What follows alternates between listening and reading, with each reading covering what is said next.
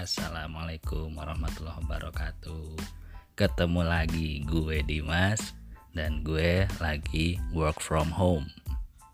Akhirnya gue kebagian juga ya Bekerja dari rumah Gak boleh ke mana-mana Gegara virus corona.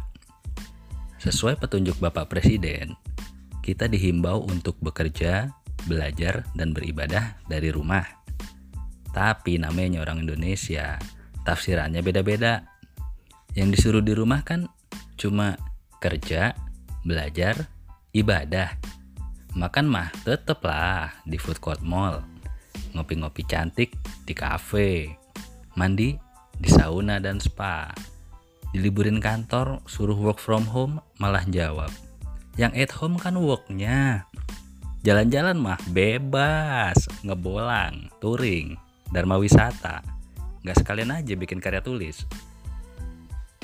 Padahal kita diminta tegas ya untuk melakukan social distancing atau jaga jarak.